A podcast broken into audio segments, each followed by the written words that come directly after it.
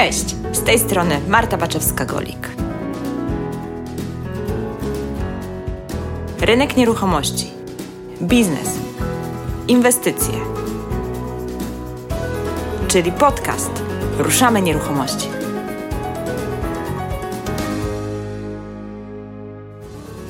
Mój syn ostatnio non-stop zadaje mi pytanie. No ale mama, no, no jak? Jak ja mam pomnażać te pieniądze?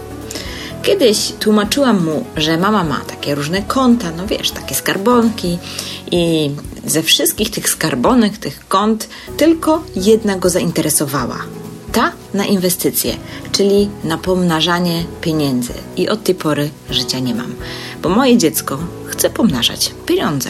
Ponieważ sama mierzę się w głowie z wieloma pytaniami, jak podejść do edukacji finansowej dzieci, jak tłumaczyć i oswajać dziecko z pieniędzmi, dzisiaj, kiedy dzieci mają praktycznie wszystko, to wcale nie jest łatwe zadanie.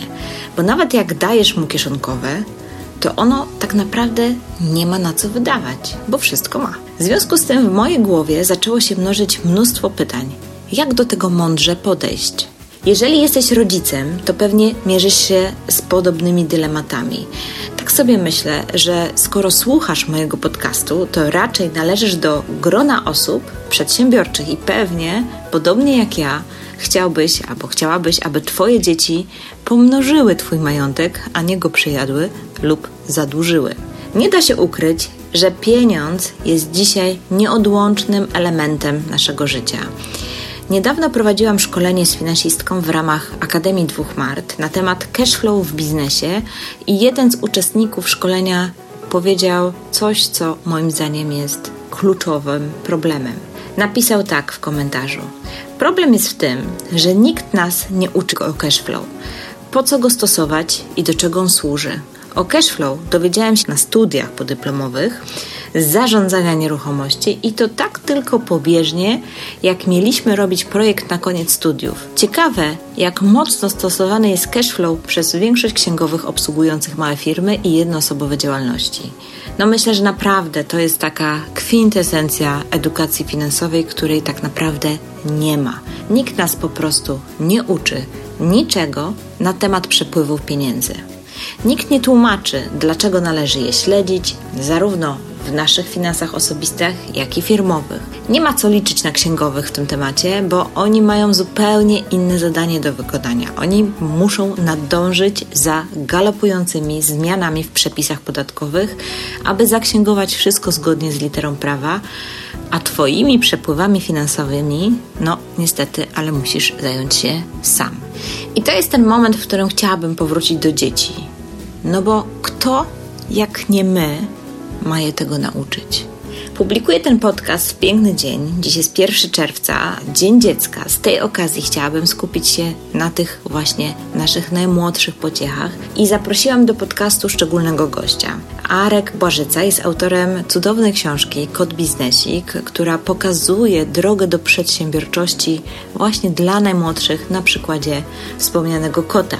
Arek również uczy rodziców, jak wprowadzać finansowy świat dzieci, i stwierdziłam, że pomimo iż ta wiedza na pierwszy rzut oka nie ma nic wspólnego z nieruchomościami, to według mnie jest kluczowa do tego, abyśmy my, inwestorzy, spali spokojnie, kiedy przyjdzie taki czas, że to nasze dzieci przejmą stery i zdecydowanie warto o ten spokojny sen zadbać już teraz, kiedy jeszcze one są małe i chłoną wszystko jak te przysłowiowe gąbki. Z okazji Dnia Dziecka Arek przygotował dla Ciebie, mój słuchaczu, również prezent, taką bardzo fajną grę edukacyjną, prostą do wydrukowania w formie PDF-u, dzięki której będziecie mogli nauczyć dzieci, jak różne wydatki i zakupy wpływają na, na stan naszego portfela, czyli na nasz cash flow. Posłuchajcie koniecznie do końca, bo szczegóły, jak otrzymać tą właśnie grę, wyjaśniamy pod koniec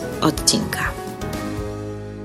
Cześć Arek, witam Cię bardzo serdecznie w moim podcaście Ruszamy Nieruchomości. Cześć Marta, dziękuję bardzo za zaproszenie. Witam wszystkich słuchaczy podcastu Ruszamy Nieruchomości. W ogóle dzisiaj będzie taki mega nietypowy odcinek, bo po raz pierwszy, po raz pierwszy będę mówić w podcaście Ruszamy Nieruchomości o dzieciach.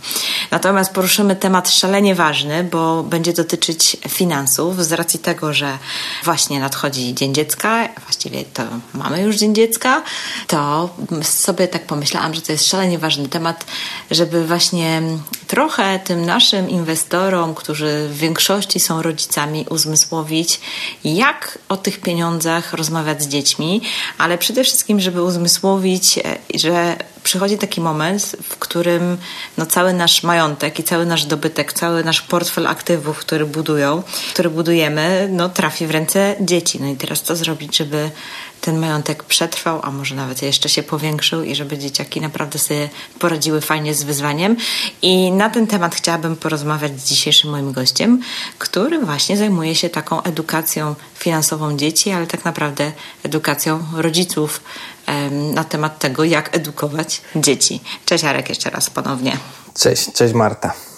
Powiedz mi, Arku, już Cię troszkę przedstawiłam, ale jakbyś mógł powiedzieć w kilku zdaniach o sobie, kim jesteś, co robisz, jak to się w ogóle stało, że właśnie zająłeś się tematem, nazwijmy to tak ładnie, przedsiębiorczości u dzieci. Tak jest. No więc ja nazywam się Arek Błażyca, tak jak wspomnieliśmy. Ja pomagam rodzicom wprowadzić ich dzieci w świat finansów i przedsiębiorczości. Jestem autorem książki Kod Biznesik, jak pewien zwykły kod został biznesmenem. Jest to, moja, jest to mój debiut właściwie, moja pierwsza książka, która w ciągu pięciu miesięcy sprzedała się w ponad 2000 nakładzie. Super, to duży sukces. Tak, no jak, jak mówi mój wydawca Jan Fiero, mówi, że to jest jak, jak na pierwszą książkę nieznanego wydawcy, to całkiem fajnie.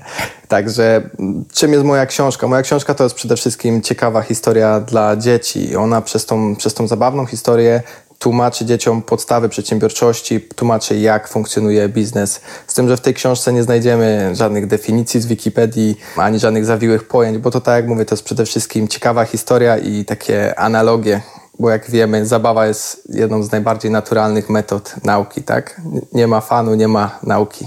Dokładnie, dokładnie. Muszę tutaj się wtrącić i potwierdzić, bo miałam przyjemność recenzować tą książkę i jeszcze dodatkowo, e, oczywiście nie tylko ja recenzowałam, bo czytałam ją razem z moim synem. Wtedy miał niecałe 6 lat, jakieś 5,5 roku i bardzo mi się ta historia podobała. I co ciekawe, niedawno doszła do mnie książka już taka wydana, bo, bo wcześniej w formie elektronicznej czytaliśmy. E, I to już minął, nie wiem, z rok czasu, odkąd, e, odkąd poprosiłeś mnie o recenzję, gdzieś z rok przerwy? Tak, tak, około roku. I powiem Ci, że z dużą ciekawością drugi raz przeczytaliśmy tę książkę. Władek za wiele nie pamiętał już z tamtego czytania, no bo to było dawno i przeczytaliśmy ją tylko raz, więc, więc mówię, ja już to czytałem, taki był zdziwiony, ale e, tak samo pozytywnie zareagował, czyli był o rok starszy i, i nadal te historie kota e, przedsiębiorczego, który walczył o własne prywatne ryby.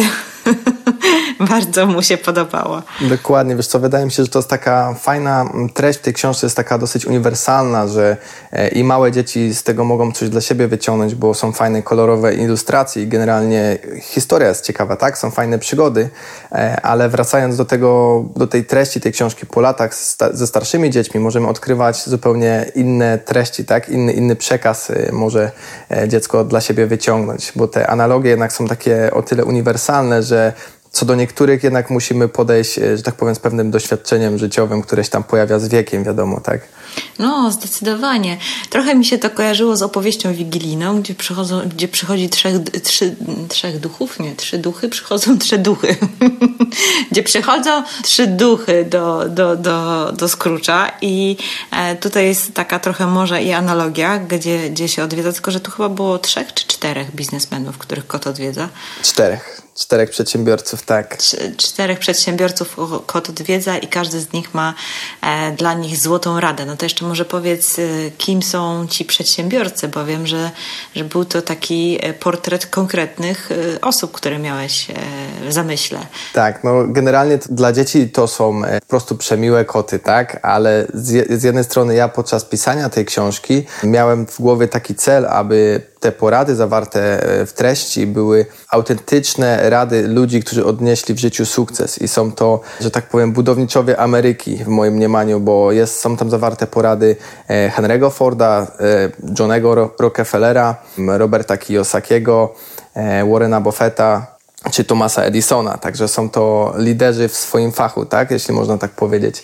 I ja sobie pisząc książkę spisałem ich e, główne motywy działania e, na tablicy i pisząc tekst po prostu starałem się przekazać ich myśli, ich idee i zawrzeć ich receptę na sukces w treści e, książki dla dzieci. Także mam nadzieję, że to się gdzieś tam udało chociaż w małym stopniu przełożyć. I tym samym wypisałeś swój własny sukces tą książką, bo książka jest naprawdę jedyna w swoim rodzaju. Szczerze powiedziawszy, nie znam, nie znam alternatywy na, na, na tego typu rodzaj literatury dla dzieci, która, która by właśnie w fajny, przejrzysty sposób mówiła o finansach, o przedsiębiorczości i dlaczego warto wejść na tą ścieżkę przedsiębiorczości.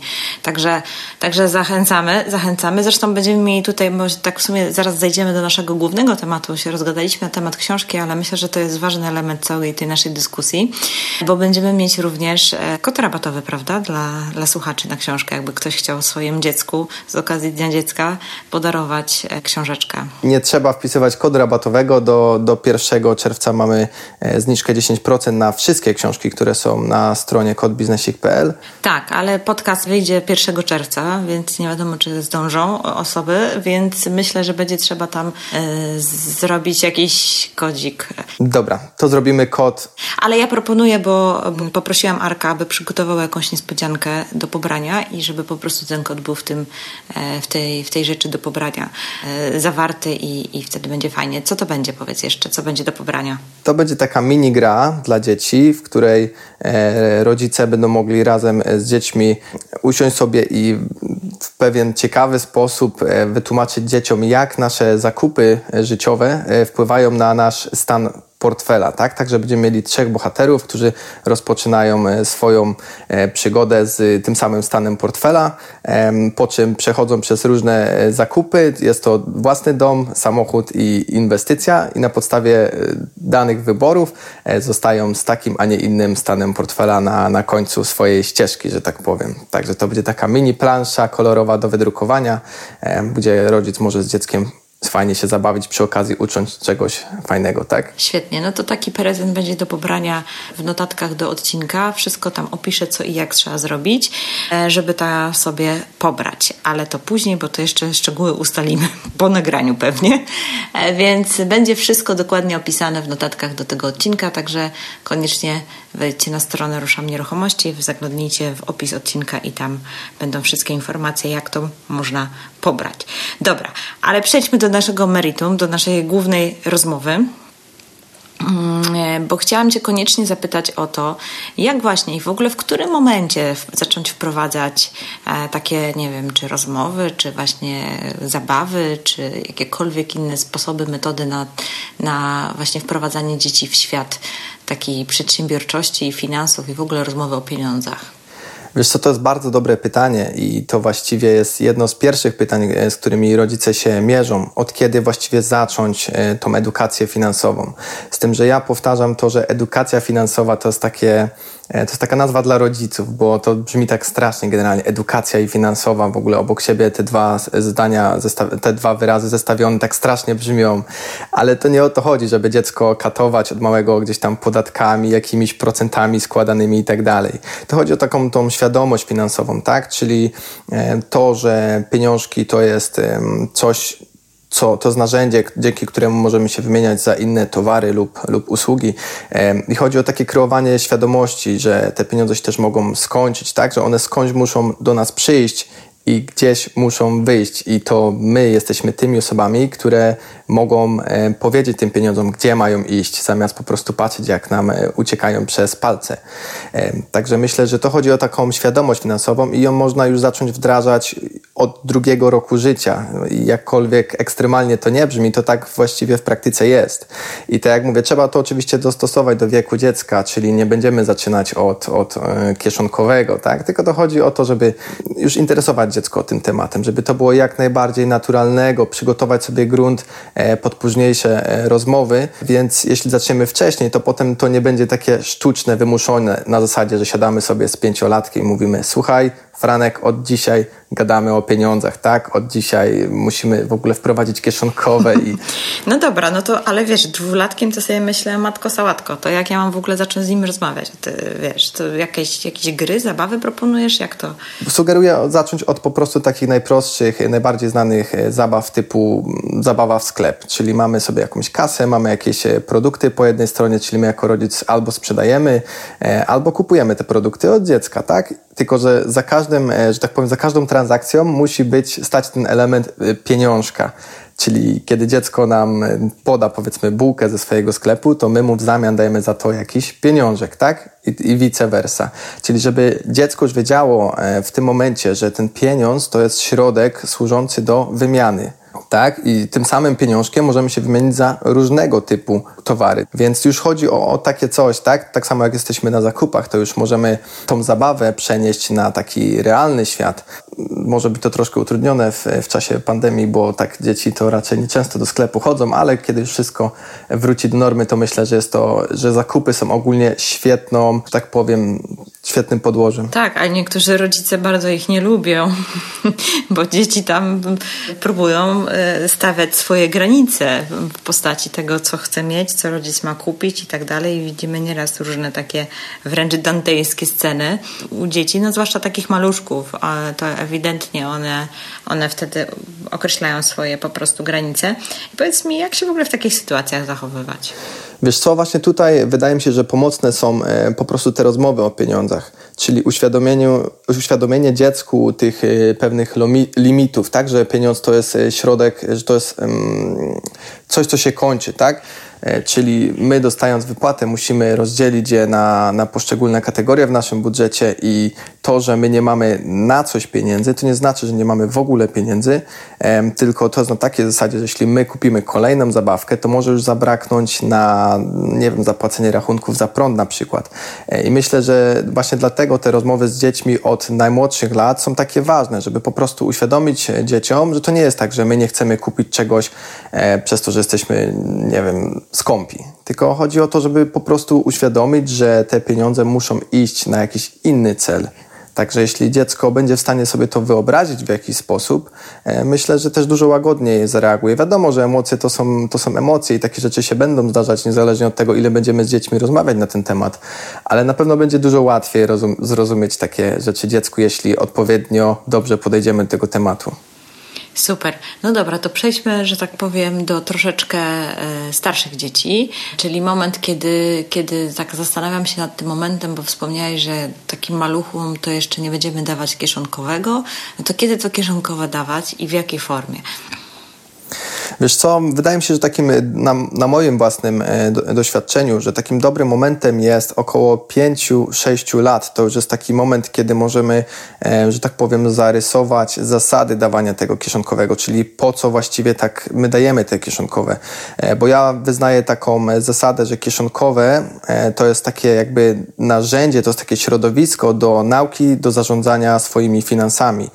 Że kieszonkowe to nie jest nagroda za dobre oceny, za dobre sprawowanie, tudzież jakieś inne, inne po prostu rzeczy, że to nie jest nagroda po prostu. Kieszonkowe to jest coś, co ma nauczyć nasze dziecko zarządzać całą gamą emocji związanymi z pieniędzmi, bo to już nie chodzi o same zarządzanie samymi pieniędzmi, tylko o emocje, które towarzyszą codziennym finansowym rytuałom, czyli nie, nie, nieudane zakupy, tak? czy, czy radość z, z oszczędności. Jest cała gama dobrych i złych emocji, które towarzyszą pieniądzom.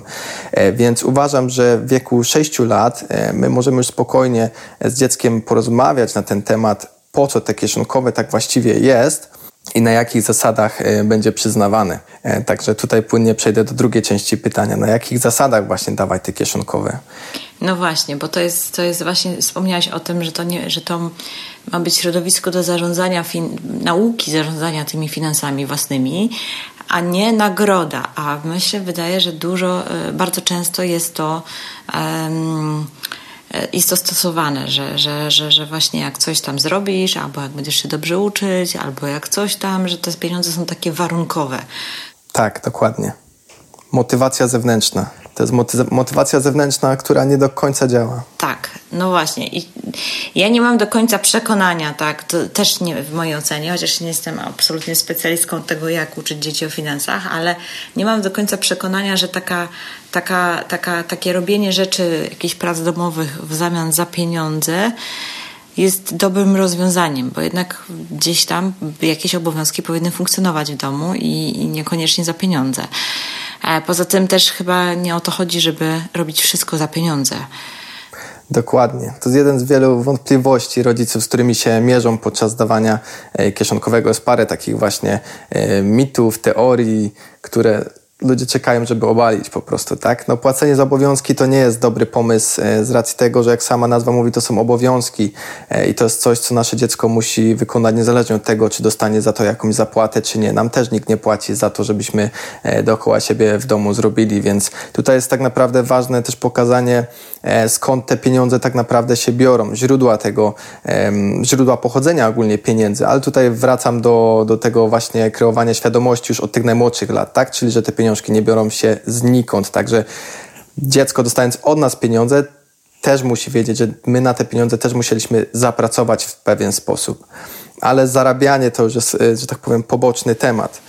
Wiesz, bo to już przy takich trochę starszych dzieciach pewnie wejdzie temat tego, e, kiedy, kiedy ewentualnie stwarzać tą e, sytuację taką zarobkową, że dziecko tak. może faktycznie zarobić pieniądze, ale to jest tak jakby kolejny etap. Na razie bądźmy Dokładnie. jeszcze przy tych takich dzieciakach podstawówkowych, nazwijmy to. Tak. E, czyli właśnie kiedy dajemy to kieszonkowe i jak właśnie te zasady ustalić, żeby one były mhm. e, no faktycznie takie zdrowe ta, i prowadziły Jasne. do jakiegoś e, sensownego efektu, na takiego, na, na którym nam zależy, żeby dziecko oswoiło się z pieniędzmi, żeby oswoiło też emocje związane z pieniędzmi, nauczyło się w jakiś tam sposób e, zarządzać e, swoimi pieniędzmi. E, no właśnie, no to porozmawiajmy o tych zasadach.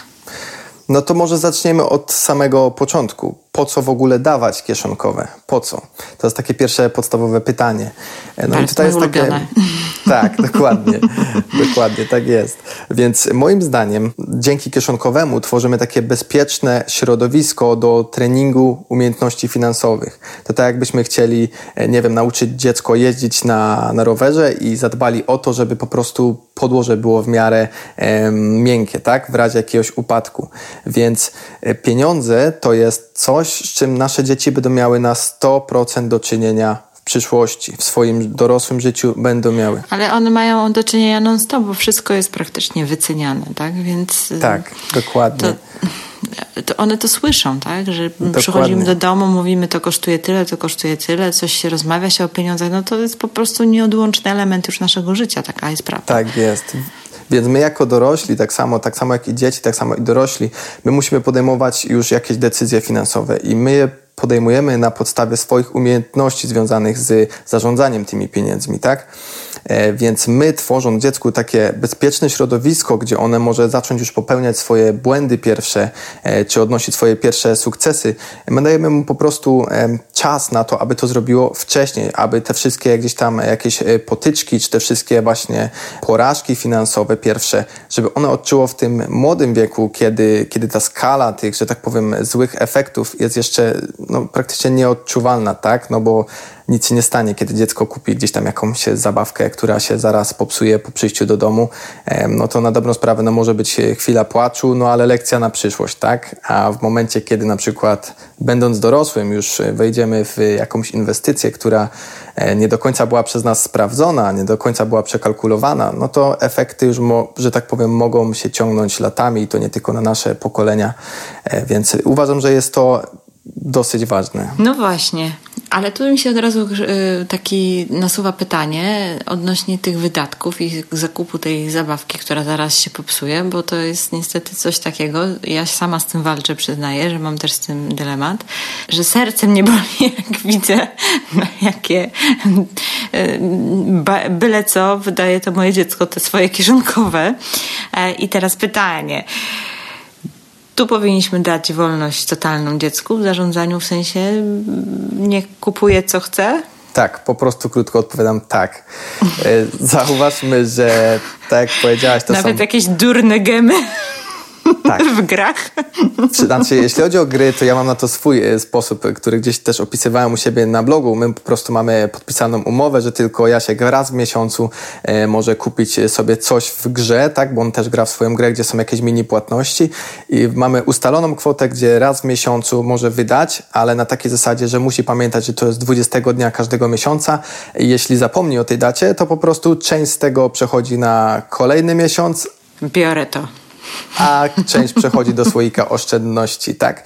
Także mamy taką e, zasadę ustaloną i to też jest na początku, bo później też wolałbym mu dać jednak e, wolność w decydowaniu, ale na początku jednak chciałem, żeby większość tych pieniędzy e, szła na takie fizyczne ekwiwalenty, czyli jakieś tam oszczędności związane z jego pasją, bo też chce być youtuberem, wiadomo, chyba jak każde dziecko w tym wieku, więc sobie zbiera na jakiś tam pierwszy sprzęcik, więc nie, nie byłem fanem, żeby wszystko wydawał gdzieś tam w, na te gry, tak? To jest, to jest temat number one u nas. Tak bo tak naprawdę dzisiaj tak sobie myślę, że dzieci właściwie wszystko mają.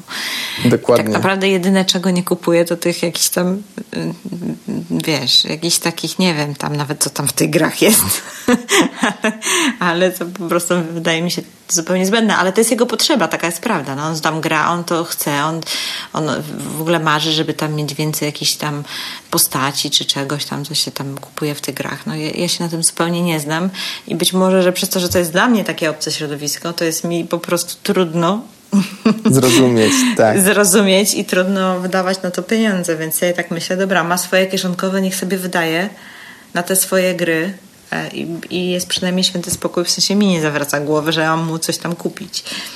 Tak, tylko tak jak właśnie powiedziałaś, to już są jego pieniądze, bo my w momencie przekazania tych kieszonkowych dziec, dziecku przekazujemy odpowiedzialność za te pieniądze.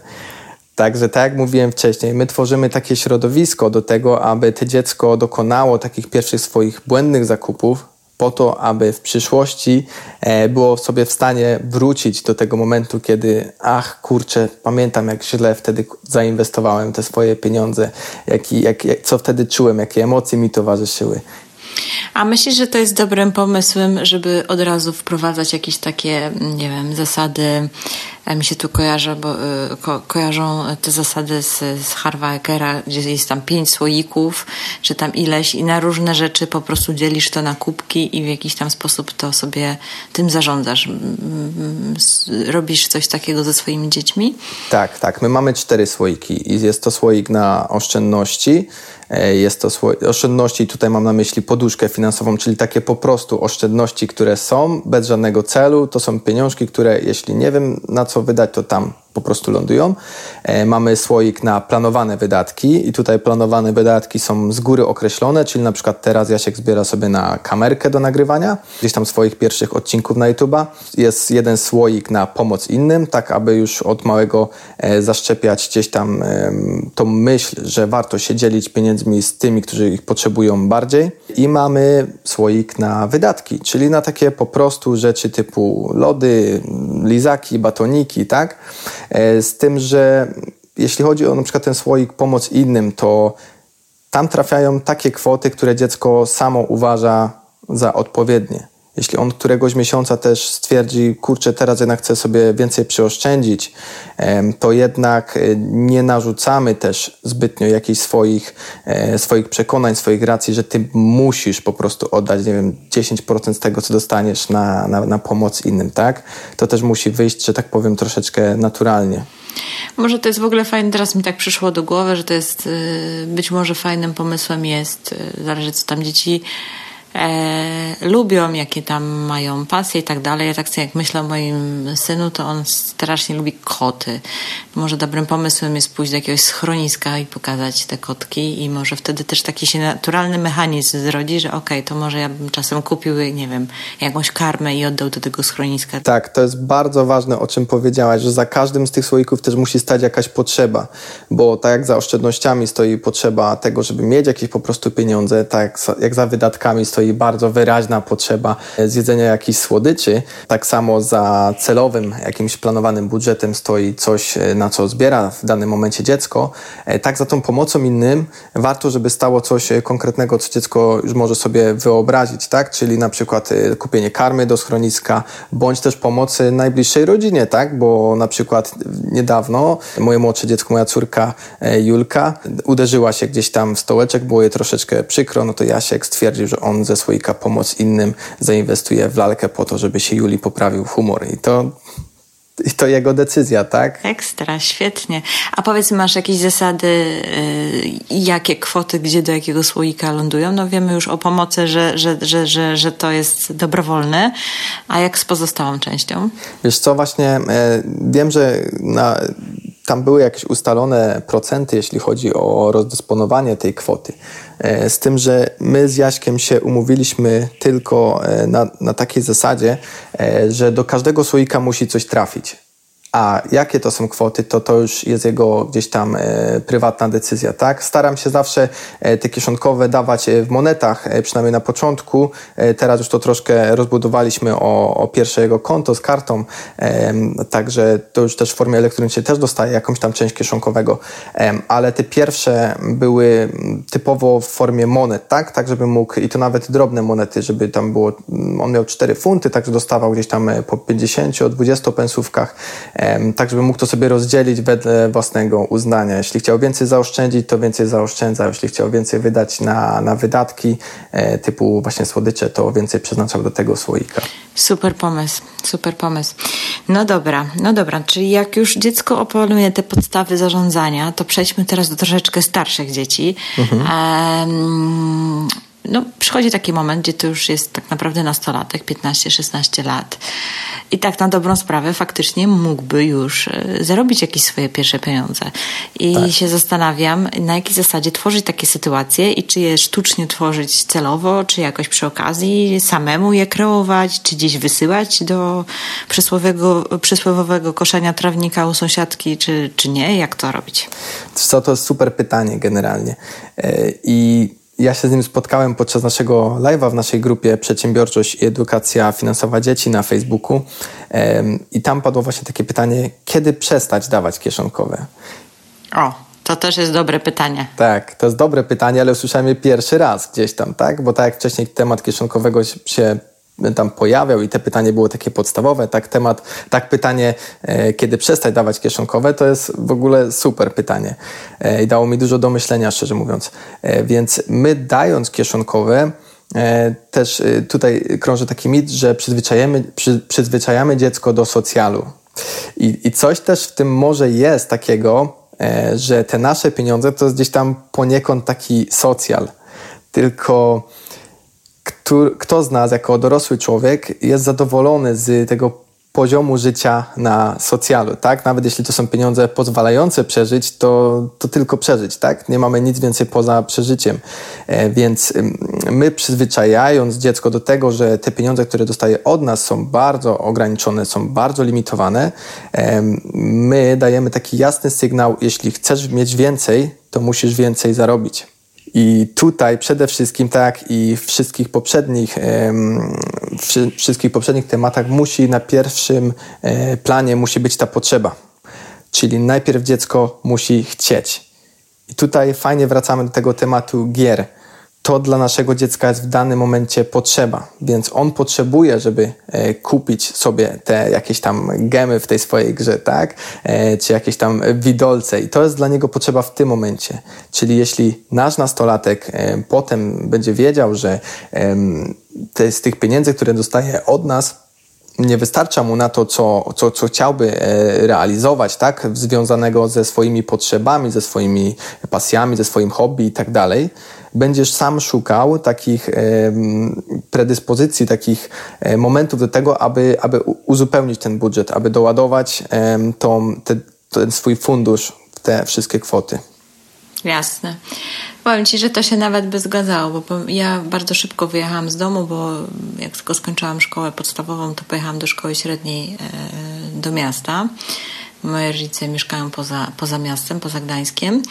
I sobie tak przypominam, że ja dostawałam od nich taką tygodniówkę na przetrwanie w tym mieście, ale bardzo szybko zaczęłam dawać jakieś korepetycje, jakieś e, rzeczy takie, bo jednak to tygodniówka no, wystarczała na jedzenie i te takie podstawowe funkcje, ale jak już się chciało pójść na na jakieś zakupy albo do jakiegoś kina, no to już niekoniecznie. I powiem Ci szczerze, że tak sobie teraz myślę, bo moi rodzice nigdy nie dawali mi takiego typowego kiszonkowego, ale przez to, że ja tak na, no, w takim młodym wieku, bo ile tam się miało, 15 lat, jak się zakończyło podstawówkę, 14, 15 jakoś tak, właściwie wyjechałam już e, do, do tego miasta, gdzie mieszkałam bez rodziców to musiałam się nauczyć bardzo szybko zarządzać tą swoją tygodniówką. Więc taki miałam przyspieszony kurs zarządzania, no i się okazało, że faktycznie trzeba było myśleć o tym, żeby gdzieś dorobić. A to w jakiejś kafejce internetowej, wtedy jeszcze takie były. Pracowałam, a to gdzieś tam takie, wiesz, że stały komputery, można było na mieście pójść, coś tam zrobić, nie? No, także różne, różnych rzeczy się tam imałam. Gdzieś tam już od drugiej, trzeciej klasy średniej. Jeśli chodzi o tworzenie takich sytuacji do zarabiania dla dzieci, to myślę, że też mega ważne jest to, aby przekazać dziecku źródło pochodzenia pieniędzy, tak? Czyli e, od najmłodszych lat starać się właśnie edukować w, nie tyle co o biznesie, co ogólnie tym, skąd się biorą pieniądze, bo też każdy etat też jest biznesem na dobrą sprawę, czyli przekazywać dziecku tą, tą wiedzę na temat tego, skąd te pieniądze w ogóle się biorą, że to nie jest tak, że my je dostaniemy e, z pracy tylko przez to, że do tej pracy chodzimy i że siedzimy przy tym biurku.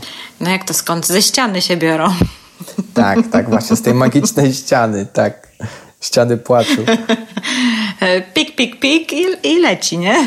I już jest drukarka, tak jest. Także mi się wydaje, że to jest właśnie ekstremalnie ważne, aby od małego temu dziecku e, wyjaśnić, że pieniądze to jest to, że tak powiem, efekt uboczny naszych działań w kierunku do innych ludzi, tak? Że to jest pomoc innym ludziom i zaspokojanie ich potrzeb. Więc jeśli nasze dziecko od małego to zrozumie, na pewno dużo łatwiej mu potem będzie sobie uświadomić, skąd te dodatkowe pieniądze wziąć. Czyli e, jeśli powiedzmy będzie potrzebowało na gwałt 20 zł na jakąś super zabawkę, e, to popatrzy na przykład na trawnik sąsiada, zobaczy jak wysoka jest trawa i zrozumie, że sąsiad ma potrzebę tego, żeby ten trawnik jednak był skoszony, no bo wszyscy sąsiedzi mają dookoła ładny skoszony, więc może zapuka, zapyta i akurat się uda te ekstra 20 zł zarobić, tak? E, no, tak sobie w ogóle myślę, że mm, pamiętam, że moje dziecko na początku w ogóle nie mogło zrozumieć, skąd w tym banku e, biorą się te pieniądze, skąd one w ogóle, wiesz, przychodzą. To, to jest takie i, I, mam wrażenie, że mu tłumaczyłam, ale nie jestem przekonana, że zrozumiał, jak to wygląda. Że, że faktycznie, że pracujesz i dostajesz te pieniądze, ale skąd, nie? Mimo wszystko. To jest takie abstrakcyjne.